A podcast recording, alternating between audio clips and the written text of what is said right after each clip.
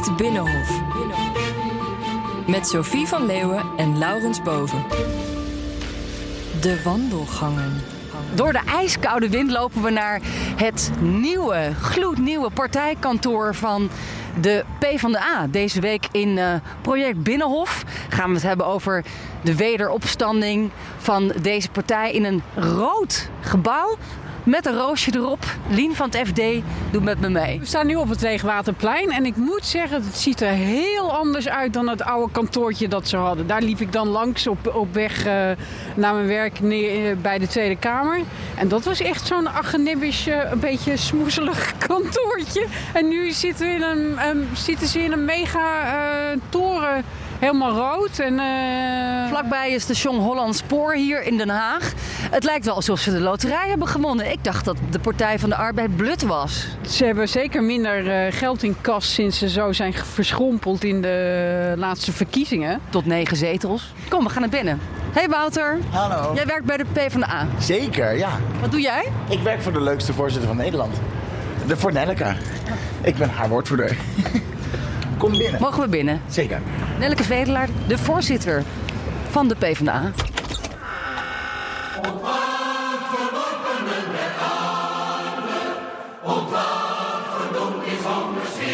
Het is wel een heel verschil met waar, je, met waar jullie vroeger zaten.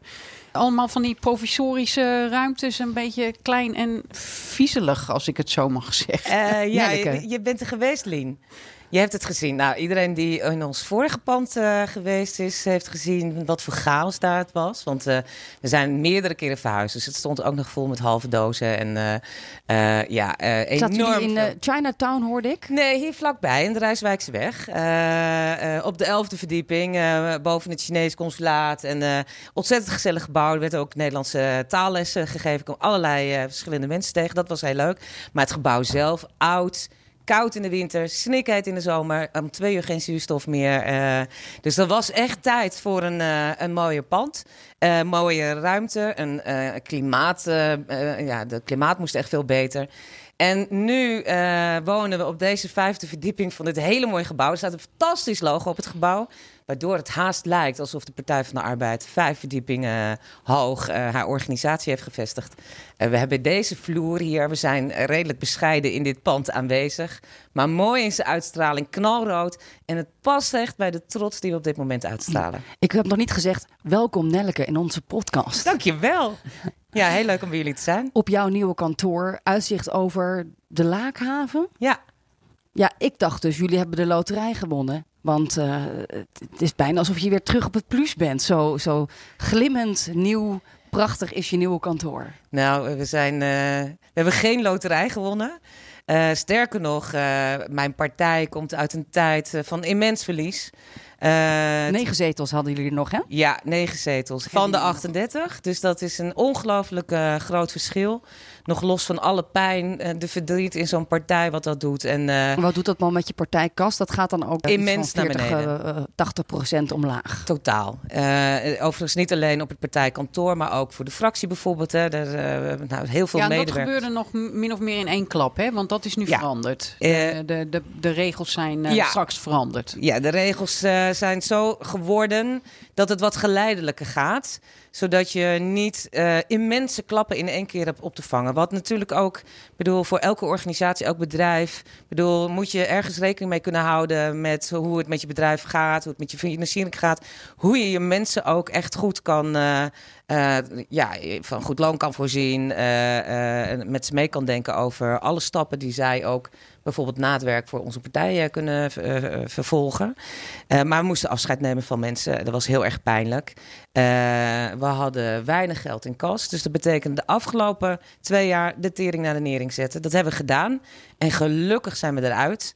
Uh, niet in die maand, ma mate dat wij op het plus zitten. Uh, je mag van mij aannemen dat wij elk dubbeltje omdraaien. Dat is ook heel gezond. Uh, heel gezond om hele scherpe keuzes te maken. Wij geven ons geld aan uit. En hoe arm zijn jullie dan? Moesten jullie ook opletten met kopieerpapier en zo? Niet te veel printen? Dat soort kleine dingen? Eh, die discussie speelt wel, maar vanuit allerlei duurzaamheidsoverwegingen. Geen plastic lepeltjes meer en al dat soort zaken. Eh, daar zijn we ons erg bewust van. Trouwens, dit is ook het oude kantoor van Vestia. Ja. De woningcorporatie met de Maseratis. Ja, dat, is, eh, dat beeld is natuurlijk echt een heel lelijk beeld. Hè? Een eh, coöperatie die inderdaad op het plus zat. Ik zag een briefje hangen. Vestia is verhuisd. Ja. Bij de ingang net. Ja. Ja, het liefst hadden we ook al, al die eh, symbolen die nog in die richting gingen verwijderd hier. Dat is nog niet helemaal gelukt. Eh, het staat natuurlijk wel symbool voor de hele grote opgave. Ik bedoel, eh, als je kijkt naar een van de belangrijkste zaken waarvoor we strijden, is dat wel betaalbaar wonen. En dat staat in zo'n schril contrast met een organisatie die destijds zo rijk was dat ze hun eigen auto's konden financieren. Maar ook, ook natuurlijk weer geliberaliseerd, hè, die woningcorporaties, door de Partij van de Arbeid. Nou ja, ja, de liberalisatie van eh, de coöperaties. Kijk, het zijn natuurlijk nog steeds coöperaties. En in, eh, ik ben oud-wethouder ook, oud-wethouder wonen. Ik heb veel met eh, de huurdersverenigingen, de belangenverenigingen te maken gehad. Dat wij af en toe geconfronteerd worden met dat beeld van Vestia vind ik niet verkeerd. Het is symbool voor al datgene wat je niet wil in de politiek. En we strijden dus precies voor Ja. Virtueel hebben jullie bij Maurice de Hond eh, nu iets van 20 zetels. Ja. En eh, de VVD is dan verschrompeld naar 24. Bij Maurice de Hond dan, hè? Zeker. Nek aan die- nek race. nek aan In de peilingen. Ja. Het zijn maar peilingen. Zeker. Mhm. Wij zien altijd die kop van Lodewijk Asscher op Ja. televisie. Maar wij willen dus ook weten hoe, eh, hoe die partij nou werkt Ja. in dit geheel. Want je hebt natuurlijk de fractie Ja. in de Tweede Kamer met al die camera's erop. Mhm. Eh, wie bepaalt nou de koers? En hoe gaat het dan tussen jou en Asscher? Kun je Ja, uitleggen. Wat is op de een machtsverdeling? ja, als een doordeweekse mogen zeggen? werkdag? Weet je, waar worden die beslissingen nou genomen? Eh, komen die dan stiekem toch van jou? Eh, het is eigenlijk een hele duidelijke verdeling. Lodewijk is onze politiek leider, gaat over de, eh, eh, de dagelijkse, de actuele politieke vraagstukken. We hebben met elkaar een verkiezingsprogramma eh, gemaakt. Dat is een verantwoordelijkheid van het partijbestuur, dus van mij. En dat is uiteindelijk ook zijn eh, leidraad om mee eh, te werken. Jij natuurlijk- schrijft het verkiezingsprogramma. nou, niet persoonlijk. Daar vragen we allemaal eh, partijgenoten voor. En komend jaar gaan we dat fantastisch doen. We gaan echt elke partijgenoot en iedereen die mee wil denken over de toekomst van onze samenleving uitnodigen om mee te schrijven, mee te denken, ideeën aan te dragen voor dat verkiezingsprogramma. Dat is bijvoorbeeld iets waar ik me heel erg mee bezig hou. Eh, en natuurlijk is dat van groot belang ook voor Lodewijk als politiek leider en heeft daar natuurlijk ook zijn invloed op. Ik geef dat vorm, is mijn verantwoordelijk. Ik ben verantwoordelijk voor de middellange en de lange termijn. Ik ben, ben verantwoordelijk voor de campagnes, de campagneleider van de Partij van de Arbeid. En natuurlijk ben ik ook verantwoordelijk voor wat we zijn als politieke partij, onze vereniging. Ik, ik begrijp dat jullie elkaar op maandag spreken vaak en Mhm. op dinsdag. Ja. Dus jij en, en, en Lodewijk Asscher. Dus En want wat, die schuift hier aan maandag. Ja. En dan, maar, en, en dan ga jij naar de fractievergadering eh, Op dinsdag. Ja. En ja, eh, eh, koken jullie dingen voor op maandag? Dat eh, vooral in de fractie Nee, eh, moet... zo'n motie bijvoorbeeld van Henk Nijboer. Nee, die bespreken wij niet op maandag. Wat, Eh, wat, wat bespreken jullie dan? Nee, want kijk, de fractie is natuurlijk eh, gewoon verantwoordelijk om haar eigen politieke werk ook gewoon goed te doen. En het is belangrijk voor mij om te volgen wat daar gebeurt en, en ook te delen wat er in de partij gaat. Dus zij hè, vertellen is, jou eh, welke moties er deze week mogelijk worden ingediend. Nou, laat ik het zo zeggen. Ik, Even afstemmen Ja, met- of het wel klopt in de- met het partijprogramma. En je volgt elkaar nauwgezet. Hè? Omdat het natuurlijk van belang is om. Ik bedoel, we zijn allemaal in ons dagelijks werk. Eh, echt eh, van 's morgens vroeg tot 's avonds laat bezig voor die politieke partij. Eh, dus het is goed om heel goed op de hoogte te zijn. Dus ik deel wat er speelt in de vereniging, waar ik mee bezig ben in mijn taken. En ik krijg mee hoe zij eh, met elkaar discussiëren over eh, de actualiteiten in de politiek, hoe zij naar, naar vooruitkijken. En stuur je dan nooit een beetje bij dat je zegt, nou, ik zou het toch een beetje zo net iets meer eh, met, wat is ook alweer jullie leus, met eh, zekerheid en zo in die bestaanszekerheid. motie, bestaanszekerheid, We- we kijken met elkaar- bijsturen. Nou, bijsturen zou ik het niet willen noemen. We hebben een open gesprek met elkaar waarin we gelijkwaardig aan tafel zitten. En natuurlijk kan ook de partijvoorzitter eh, soms wijzen op. We hebben een hele discussie gehad over het leenstelsel, mag duidelijk zijn. Ehm, eh, daar heb je het met elkaar over. En daar heb je het met de partij over. Eh, onze jonge socialisten zijn daarbij betrokken geweest. We hebben ons aangesloten bij Coalitie I. Hè, jonge mensen die zich zorgen maken over het toenemend aantal onzekerheden op de arbeidsmarkt, de woningmarkt en hun studies. Eh, dat vraagt een groot gesprek. En dat is echt ook een wijziging van de koers. Daar heb je het met elkaar over. Het is ook belangrijk dat ik dat in het partijbestuur bespreek. Komt dan ook weer van, van, van jou, van jouw achterban, Nee, dat organiseren we echt met elkaar. Kijk, Kirsten van den Hul uh, is woordvoerder onderwijs. Die bespreekt dat in de Kamer. Die bespreekt dat met haar netwerken, onderwijs vanuit de partij. Die bespreekt dat met allerlei andere partijen in de samenleving. Dat is ook heel belangrijk. Als je volksvertegenwoordiger bent, dat je echt al die contacten hebt.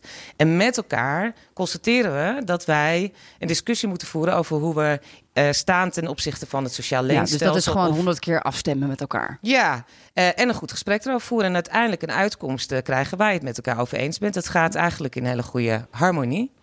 En hoe, hoe belangrijk zijn partijen als je kijkt naar bijvoorbeeld de, de leden die je nog hebt. Want dat zijn er natuurlijk wel, hè, niet alleen bij de PvdA, maar ook bij andere partijen steeds minder. Volgens mij uh, had Lien uitgezocht, 2% van de Nederlanders is nog lid van een politieke partij. Zoiets is het. Zoiets. Ja. En jullie ja. hebben zo'n 40, 43.000 uh, leden. 41.000. Maar het slinkt nog. Ja, hoewel uh, we krijgen weer weken dat we groeien.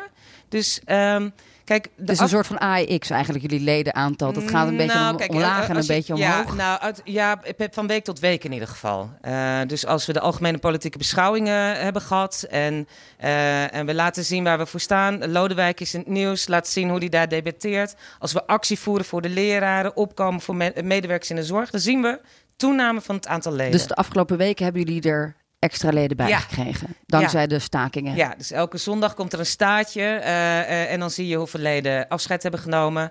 Uh, en hoeveel, daar zit een deel in van mensen die komen te overlijden. nou, daar heb ik ook mijn zorg en, en mijn aandacht voor, hè, voor families. dat zijn mensen die vaak hun hele leven al onderdeel zijn van de partij geweest. Ja. Maar er zijn zoveel meer nieuwe leden dat we in de plus kwamen afgelopen weekend. Want jullie vergrijzen natuurlijk ook heel erg. Dat is ook een probleem. We gaan leden dood. Mm -hmm. Partijen ja, leden zijn oud. Ongeveer uh, eh, 50% van jullie leden zijn uh, eh, 65-plussers. Ja, ik, de eh, gemiddelde leeftijd, zal ik je vertellen, is 63 geloof ik. wij zijn echt qua leden samenstelling een seniorenpartij. Uh, ja, maar iets, iets jonger dan 50 plus, begreep Iets jonger dan 50 plus, ja. ja. Uh, hoewel 60 plus de gemiddelde leeftijd is uh, bij ons. Dus dat ja, is, de partij 50 ja. plus bedoel ik. Ja, uh, grote waardering voor al die leden. Dat is zijn, eh, zij zijn de, de, de, ook echt, zij dragen de partij. Dus dat, we hebben heel veel actief kader. En we zijn we strijden nog even met het CDA, maar ik beloof jullie dat we volgend jaar het CDA echt gaan inhalen. En de grootste ledenpartij van Die willen uh, ook verjongen, hè? De Rutger Ploem, de nieuwe voorzitter, ja. die heeft dezelfde missie als jij, denk uh, ik. Ik denk dat elke voorzitter van elke politieke partij die missie heeft. Maar voor ons is die ongelooflijk belangrijk om uh, voor de toekomst nieuwe mensen te betrekken bij de partij. En ja, wat en wie zijn we anders nog? Hè? Als we niet in staat zijn om jonge mensen aan ons te bieden. Dus het is mijn belangrijkste speerpunt als voorzitter van de Partij van de Arbeid dat wij jonge mensen de ruimte geven. Forum voor Democratie, dat is denk ik de ja. snelst groeiende jongere partij, Zeker, denk ja. ik. Ja, denk ik ook. GroenLinks, D66, die zijn natuurlijk eigenlijk veel, veel bekender als, als jongere partij, toch? Ja, uh, dat denk ik ook. Overigens, ook afgelopen zaterdag, toen ik vroeg van waarom ben je nu... De mensen die dan twee weken geleden lid zijn geworden van de Partij van de Arbeid... Uh, en ik vroeg een van hen, waarom ben je lid geworden? En toen was zeg maar juist het Forum voor Democratie ook reden geweest om lid te worden. En die persoon zei, ik zie mensen in mijn omgeving die lid worden van Forum. Waardoor ik dacht, ja hé, hey, maar dan moet ik het alternatief opzoeken. En wat is ik voor mij het alternatief? Ik moet tegengas geven. Dus ik word lid van een politieke partij en ik kies voor de Partij van de Arbeid. Maar is dat iets wat jij ook uitdraagt? Dat jij zegt, jongens, uh, nou ja, uh, geef tegengas uh, tegen een partij als Forum bijvoorbeeld? Um, niet zo expliciet als je het nu zegt, maar um, wel degelijk. Hè? Dus dat is ook de grote uitnodiging die ik steeds doe. Als je de wereld om je heen wil veranderen als je, uh, als je het verschil wil maken, dan kan dat ook binnen een politieke partij. Maar ik vind ook dat we het aan onszelf verplicht zijn om na te denken hoe we jongeren veel meer kunnen betrekken. Los van toch ook het ouderwetse, ouderwetse lidmaatschap van een politieke partij. De Taskforce Verjonging, die zijn echt aan het nadenken. Hoe kunnen we jongeren betrekken bij allerlei politieke vraagstukken? Of eigenlijk. Zonder dat ze lid hoeven te worden. Ja, en want waarom zou je nou lid worden van een politieke partij? Ik bedoel, ik, voor mij was er geen andere keuze. En voor heel veel leden van de Partij van de Arbeid. Maar ik denk, ik kom Want jij was aan het bollen pellen, geloof ik, ergens in een Noordoostpolder. ja, dan zou ik ook lid worden. Oh, dat is grappig, ja. Eh, ja, met Wim dat is Kok, jouw, eh, eh, voor het raam van die arbeiderswoning... waar mijn vader actie voerde voor de vakbond... en mijn moeder voor de dierenbescherming de En straat jij op op ging. FNV-kamp ging in de zomer. Precies, ja. dat is echt Misschien moeten we de jongeren vandaag ook wat meer bollen laten pellen. Dan worden ze vanzelf politiek actief. Nou, kijk, ehm, eh, hard werken is niks mis mee. En sparen, je eigen geld verdienen ook niet. Eh, of dat nou leidt tot politieke activiteiten, geloof ik niet. Natuurlijk heeft je omgeving er wel mee te maken. Maar ik denk dat eh, heel veel jonge mensen ze hebben zoveel op hun bord liggen. Ehm, ik was ook al ergens midden twintig of zo, eh, toen ik pas lid werd van de Partij van de Arbeid, was er op een of andere manier ook ruimte voor. Maar dan nog, ik ben echt, ik, ik realiseer me altijd dat je toch een soort van uitzonderingstype bent, die lid wordt van een politieke partij en dan ook nog eens bereid is om zo'n beetje elk uurtje wat je hebt te geven aan die partij. Ehm, ik denk dat heel ja, veel jongeren, mensen. zit- jongeren zitten misschien ja, liever op social media. Ja, dat soort dingen. Of zijn wel bereid om een actie, eh, in actie te komen voor een hele mooie actie tegen armoede. Of het eh, verzamelen van Sinterklaas cadeautjes voor Een kinderen. die, one-issue eh ja, dingen. thema's die ze raken. Hm. Of thema's die hen zelf aangaan. Dus jullie gaan werken met project, eh, projecten en verhalen. En niet met een lidmaatschap waar je dan eh, eh, ja, jarenlang aan vastzit. Nog steeds, iedereen is van harte welkom. Maar we moeten echt nadenken, klaarstaan voor de toekomst. Om te kijken of er niet ook hele andere vormen zijn om betrokken te zijn bij een politieke partij.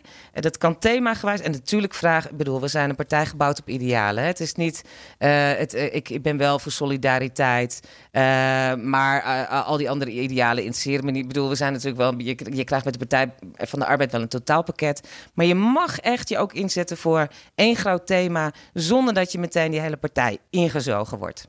Negen poppetjes Ja. nog in de Tweede Kamer. Ja. Die zijn ook niet allemaal heel erg jong of zo, toch? Dus dan als je kijkt naar eh, wie hebben we, Ariep of Mhm. eh, dat is dan de Kamervoorzitter. Ja, En eh, Ploemen natuurlijk, een, een bekend gezicht, een oud-minister. zeker. Ga je daar nou twintigers aannemen? En heb je al een lijstje met Ja, met jonge wilde socialisten? Eh, zeker eh, oog op jonge socialisten. We Stel hebben voor een, dat je eh, twintig zetels krijgt? Maar we doen, ja, kijk, daar hebben we een grote klus te klaren, sowieso. Hè, want je moet een goede lijst samenstellen. Dat moeten de beste volksvertegenwoordigers voor de Partij van de Arbeid zijn. En dus we hebben een kandidaatstellingscommissie. Die hebben we ook rond. En die gaat in december al aan de slag. Hè, die gaan zich goed voorbereiden. Overigens gaan de kandidaatstelling pas in de zomer van volgend jaar open. Oké, dus de lijsten liggen er nog niet. Nee, dat gaat zeker pas niet. vanaf december. Zeker niet. Maar als partijvoorzitter hou je je ogen en oren goed open. Kom je heel veel mensen tegen. Dus, eh, Je hebt dan een, een, daar een kijk lijstje in je hoofd gemaakt. Je Nee, weet wie de nee. jonge talenten zijn. Dat Ik- dan wel. Nou, dat hoop ik. En voor een deel ken ik ze ook helemaal niet. Dus kijk, de partijvoorzitter bepaalt uiteindelijk niet hoe die lijst wordt samengesteld. Ik laat me adviseren, doet wel het partijbestuur. Maar we laten ons adviseren door een onafhankelijke adviescommissie. Daar hebben we echt ons stinkende best voor gedaan om daar een commissie van te maken waarin alle talenten bij elkaar komen en alle diversiteiten. En we Onwijs belangrijk. Daar zitten bijvoorbeeld meer vrouwen dan mannen in. Dat vond ik heel erg belangrijk. Daar zijn alle provincies vertegenwoordigd. Jong en oud, culturele diversiteit, et cetera. En alle talenten. Zij moeten met elkaar gaan zorgen dat ze eh, de beste mensen op die lijst eh, gaan krijgen. Om dat vervolgens voor te leggen aan het partijbestuur die eh, eh, de lijst dan ook naar het partijcongres. Die heeft altijd het laatste woord. Eh, dus het partijcongres stelt de lijst vast. Ik heb absoluut geen lijstje in mijn hoofd van, van wie daar op plek 1, 2, 3 en 4 moet staan. Ik vind dat dit pro- open proces, zorgvuldig proces, ook echt de ruimte Maar je gaat het wel op een nieuwe manier doen, begreep ik. Dus niet, niet, niet met honderd handtekeningen. Maar vertel eens even Ja. iets met een storytelling, een verhaal. Ja, bijvoorbeeld. Ja, nou, kijk, onze partij eh, kent het vereisten dat je 100 handtekeningen moet ophalen binnen de partij voordat je je mag kandideren. En, ehm, Maar dan krijg je natuurlijk allemaal oude handtekeningen en krijg je weer oude kandidaten. Ja, nou, dat, het, soms belemmert het mensen ook. Want eh, niet iedereen is een partijtijger. Dat is ook helemaal niet vereist. Ik bedoel, ik ben heel blij met partijtijgers. Maar ik ben ook blij met mensen die hele andere dingen doen. Het kan ook zijn een goed project, een, eh, een of andere actie eh, Ja, die dus- geslaagd is. Ja. Dan, mag, dan mag je ook mee. Ja, nou, ik weet nog dat toen ik me kandideerde als voorzitter van de partij, toen dacht ik, maakte ik me heel erg druk om die, moet ook nog die 100 handtekeningen. En toen zeiden mensen in mijn ca- campagneteam, zeiden, nou, het is echt het laatste waar jij je druk om hoeft te maken. Binnen no time hebben we die 100 handtekeningen voor je opgehaald. Dus het is ook helemaal niet zo'n effort in de partij. Dan moet je je afvragen, wat is dan de betekenis van die 100 handtekeningen? Dat is niet, ik steun jou als kandidaat. Nee, ik steun Ik geef mijn handtekening voor je kandidatuur. Dat is feitelijk wat er gebeurt. En hoe ga je het dan doen? Ik dacht, het is veel leuker als ik mensen vraag om inderdaad een soort van steunbetuigingen op te halen uit de samenleving. Storytelling. Eh, vertel het verhaal, maar eens, of vraag het aan je moeder, vraag het aan de medewerker van het eh, buurthuis, eh, van iemand uit die huurdersbelangenvereniging die jou kent. Waarom zou Sophie, nou, eh, nou laat ik een andere naam nemen, waarom zou Wouter de beste volksvertegenwoordiger eh, eh, voor de Partij van de Arbeid zijn? Dat is denk ik echt veel leuker om die verhalen op te halen. En dat zijn dan je aanbevelingen voor de kandidaat. Dus je moet eigenlijk je maatschappelijk jezelf bewezen hebben. Dat je dus Ja. iets hebt gedaan voor mensen Ja. in het land. En dat mensen uitspreken, ik vertrouw op jou, omdat. En, en, en die invulling vind ik denk ik echt heel erg interessant. Veel interessanter dan het ophalen van 100 handtekeningen. En dus jullie hebben ook een cursus storytelling gedaan waarschijnlijk hier Nee. op het partijbureau. Nee, dat hebben we niet gedaan. Maar we zijn er wel goed in. Ik ben benieuwd naar die verhalen. Ja, ja Maar zeker. dat is nog geheim. Of die komen nog. Nou, die, kijk, dus, eh, als iemand solliciteert, gaat hij die verhalen ophalen. En, eh, en nou ja, dat neem je mee, zeg maar, als aanbeveling voor jezelf. eh, bij je sollicitatie voor Tweede Kamerlidmaatschap. Als je het hebt over storytelling, is wel iets anders. Ook gericht op de campagne heel erg belangrijk. Is dat alles wat we doen, dat is mijn leidraad. Alles wat we doen gaat over mensen. In hoeverre wordt, eh, eh, wordt vastgelegd eh, van bovenaf van... Dit is wat je dient uit te dragen. In hoeverre mag een, eh, mag een Kamerlid nog een beetje zijn eigen gang gaan? Ja, tuurlijk. Dat woordje zekerheid moet in elke eh, motie en, en uitspraak zitten. Eh, iedereen mag zijn eigen gang gaan eh, eh, en doet het op zijn of haar manier.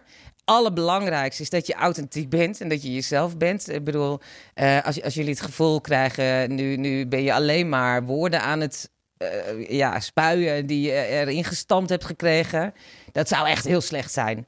Dus Eh, authentiek en zekerheid, dat zijn twee dingen die je meegeeft. Nou, kijk, die zekerheid waar we dat hebben opgehaald, dat is onze partij. Eh, in 2017 zijn we in gesprek gegaan met al die leden over het grote verlies van de partij, maar ook over waar staan we nou voor. Als we nou naar onze idealen kijken, staan die ter discussie? Nee, die stonden en die staan niet ter discussie. Maar waar zit nou de grootste zorg van mensen? En die zat hem in bestaanszekerheid. Die zat hem in niet een betaalbare woning kunnen vinden. Je zorgen maken over de toekomst van de zorg. Is er straks nog zorg voor mijn vader en mijn moeder, voor mijzelf? Eh, dat zat hem in de toegankelijkheid van het onderwijs. Al die basiszekerheden die ook ja, randvoorwaardelijk zijn om eh, plannen voor de toekomst te maken. Als je plannen voor de toekomst wil maken... eh, na wil denken over waar, waar, hoe wil ik me ontwikkelen, dan moet je op zijn minst zeker zijn op die hele basis, eh, eh, die bestaanszekerheid. Dus we hebben gezegd, daar moeten we ons dus ook op richten. Altijd met het perspectief op de toekomst. Dat je, ik vind het heel mooi, ik kom altijd weer bij Joop den Uyl uit. Die zei het in zijn tijd al. Hè, eh, de zekerheid om te mogen zijn wie je bent en volwaardig te mogen bijdragen. eh, als volwaardig burger noemde hij dat, wat een beetje ouderwets woord is, maar aan de samenleving. En wat is daarvoor nodig om vol- volwaardig burgerschap te kunnen laten zien? Bestaanszekerheid. Het is dus niets nieuws. Het is wel iets wat we hebben opgehaald in 2017 weer back to basic, terug naar onze kernidealen. Dat kreeg jij van iedereen te horen in die zaaltjes. Ja. Die half lege zaaltjes toen. Eh, eh, nou, er waren behoorlijk. Ik in mijn eigen stad ben ik. Ik was toen nog geen voorzitter, maar in mijn eigen stad ben ik erbij geweest. Dat was een uitpuilende zaal. Ehm, met een boel emotie, maar ook met een grote eh, passie voor dit soort thema's. En daar hebben we op doorgewerkt. Dus ja, het, het, het is de basis van onze campagne, maar het is ook de basis van datgene wat je in je hart draagt.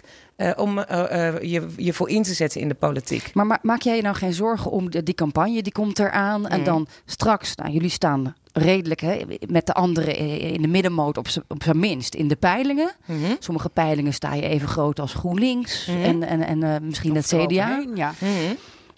En dan straks, dan heb je al die partijen nodig om met elkaar natuurlijk te kunnen regeren. Dat zijn er waarschijnlijk wel vijf. En dan Ja. gaan jullie misschien ook meedoen.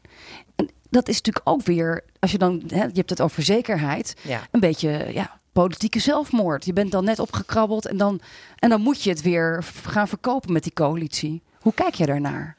Nou, kijk, allereerst eh, maak je je er zorgen om, hè, vraag je.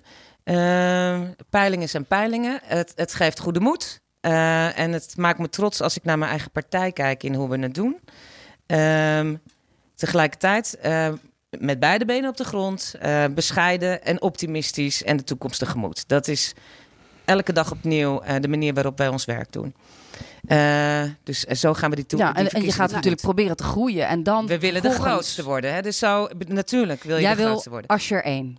Ja, een, een, een, een links kabinet. Het zou echt mogelijk kunnen zijn. En natuurlijk, dat is, dat is wat je wil.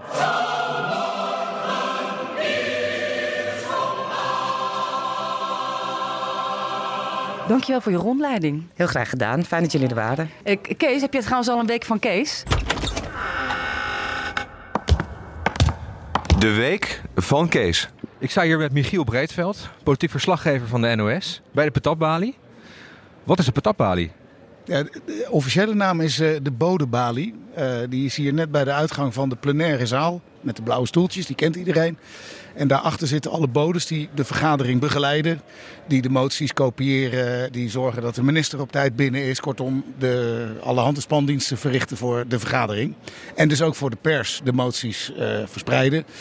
Maar goed, dat ding dat ziet er gewoon uit als een soort eh, patatbalie. Je kunt er dus ook van alles krijgen, maar dan in de vorm van eh, politieke etenswaar.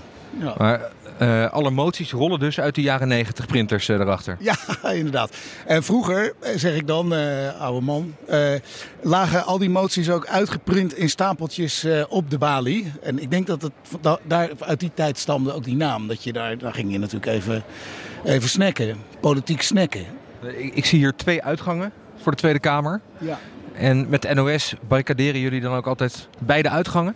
Ja, ja, Om te voorkomen dat een Kamerlid of minister ontsnapt? Ja, en dan heb je nog wel eens iemand die dan zo slim is om eh, de achteruitgang te nemen naar eh, het ledenrestaurant. Dat is de enige uitgang.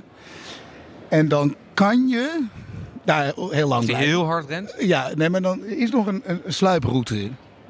Eh, dus een enkeling die wil ontvluchten, die, eh, die gaat wel eens zo. Ja. Jammer is dat. En, en daar heb je geen trucjes voor dan? Nee, nee dan, want dan komen die bodes weer, zeg maar. Een stuk touwspannen? Ja. ja, dan mag je er niet bij. Dat kan. Dus dat is, ja, dat is de patatbalie. Hey, en alleen journalisten hangen hier, politiek assistenten, voorlichters. Maar zie je ook wel eens een politicus hier ijsberen rondlopen, wachten totdat hij een interview kan krijgen? Ja, ja, zeker. Ja, ja. Eh, het grappige is bijvoorbeeld dat eh, de, de, de, de, de meest eh, mediawijze politici, die, die lopen hier soms wel zes keer rond. Dus Lodewijk Asscher, die, eh, die, eh, die heeft die techniek verfijnd. Maar die heeft dat toch niet nodig? Nee, nee, maar daarom zeg ik ook echte verfijning. eh hè, dus, eh, dit, dit is meestelijk zoals hij het doet, want hij ziet er niet vragend uit. Hij loopt heel doelgericht voorbij, maar wel een aantal keer. Hard to get. Ja, nee, maar wel heel doelgericht. Maar dan wel een keer of zes. Dus als je hem nodig hebt toevallig, dan je loopt hem altijd wel een keer tegen het lijf. Er zijn bepaalde partijen hier ook meer vertegenwoordigd dan andere. eh, Politici van de PVV die misschien in één keer doorlopen of van een andere partij. Nee, maar Geert Wilders is, dat het momentje van Geert, hè? Ja. Die houdt ze graag. Dat, dat zei mijn vader altijd over de kat. Die moet je niet te veel eten geven, want dan eh, worden ze vatsig. En ik denk dat dat ook de theorie is van Geert Wilders en pers. Wat, Die, wat- ge- die geeft ze nooit te veel, maar één keer per week dan, eh, is hij bereid om mensen te woord te staan. Doet hij het liefst op dinsdag bij het vragenuurtje. en, En wat dan is, duikt iedereen er bovenop dus. En wat is nou het allergekste wat je hier hebt meegemaakt bij de patatbalie? Het allergekste. Ja, dat ik een politicus wilde aanschieten en dat ik vooroverbogen keihard met mijn hoofd tegen die, eh, tegen die paal aanliep hier. Ja. ja, dat was wel heel pijnlijk. Ja, Nee, maar hier dus geen patat. geen patat. Ja. Ik heb wel zin in een echt patatje. Ja, ga, ja, Zullen we die gaan halen? ja, gaan we een patat halen. Ja. Oké, bedankt. De week van Kees.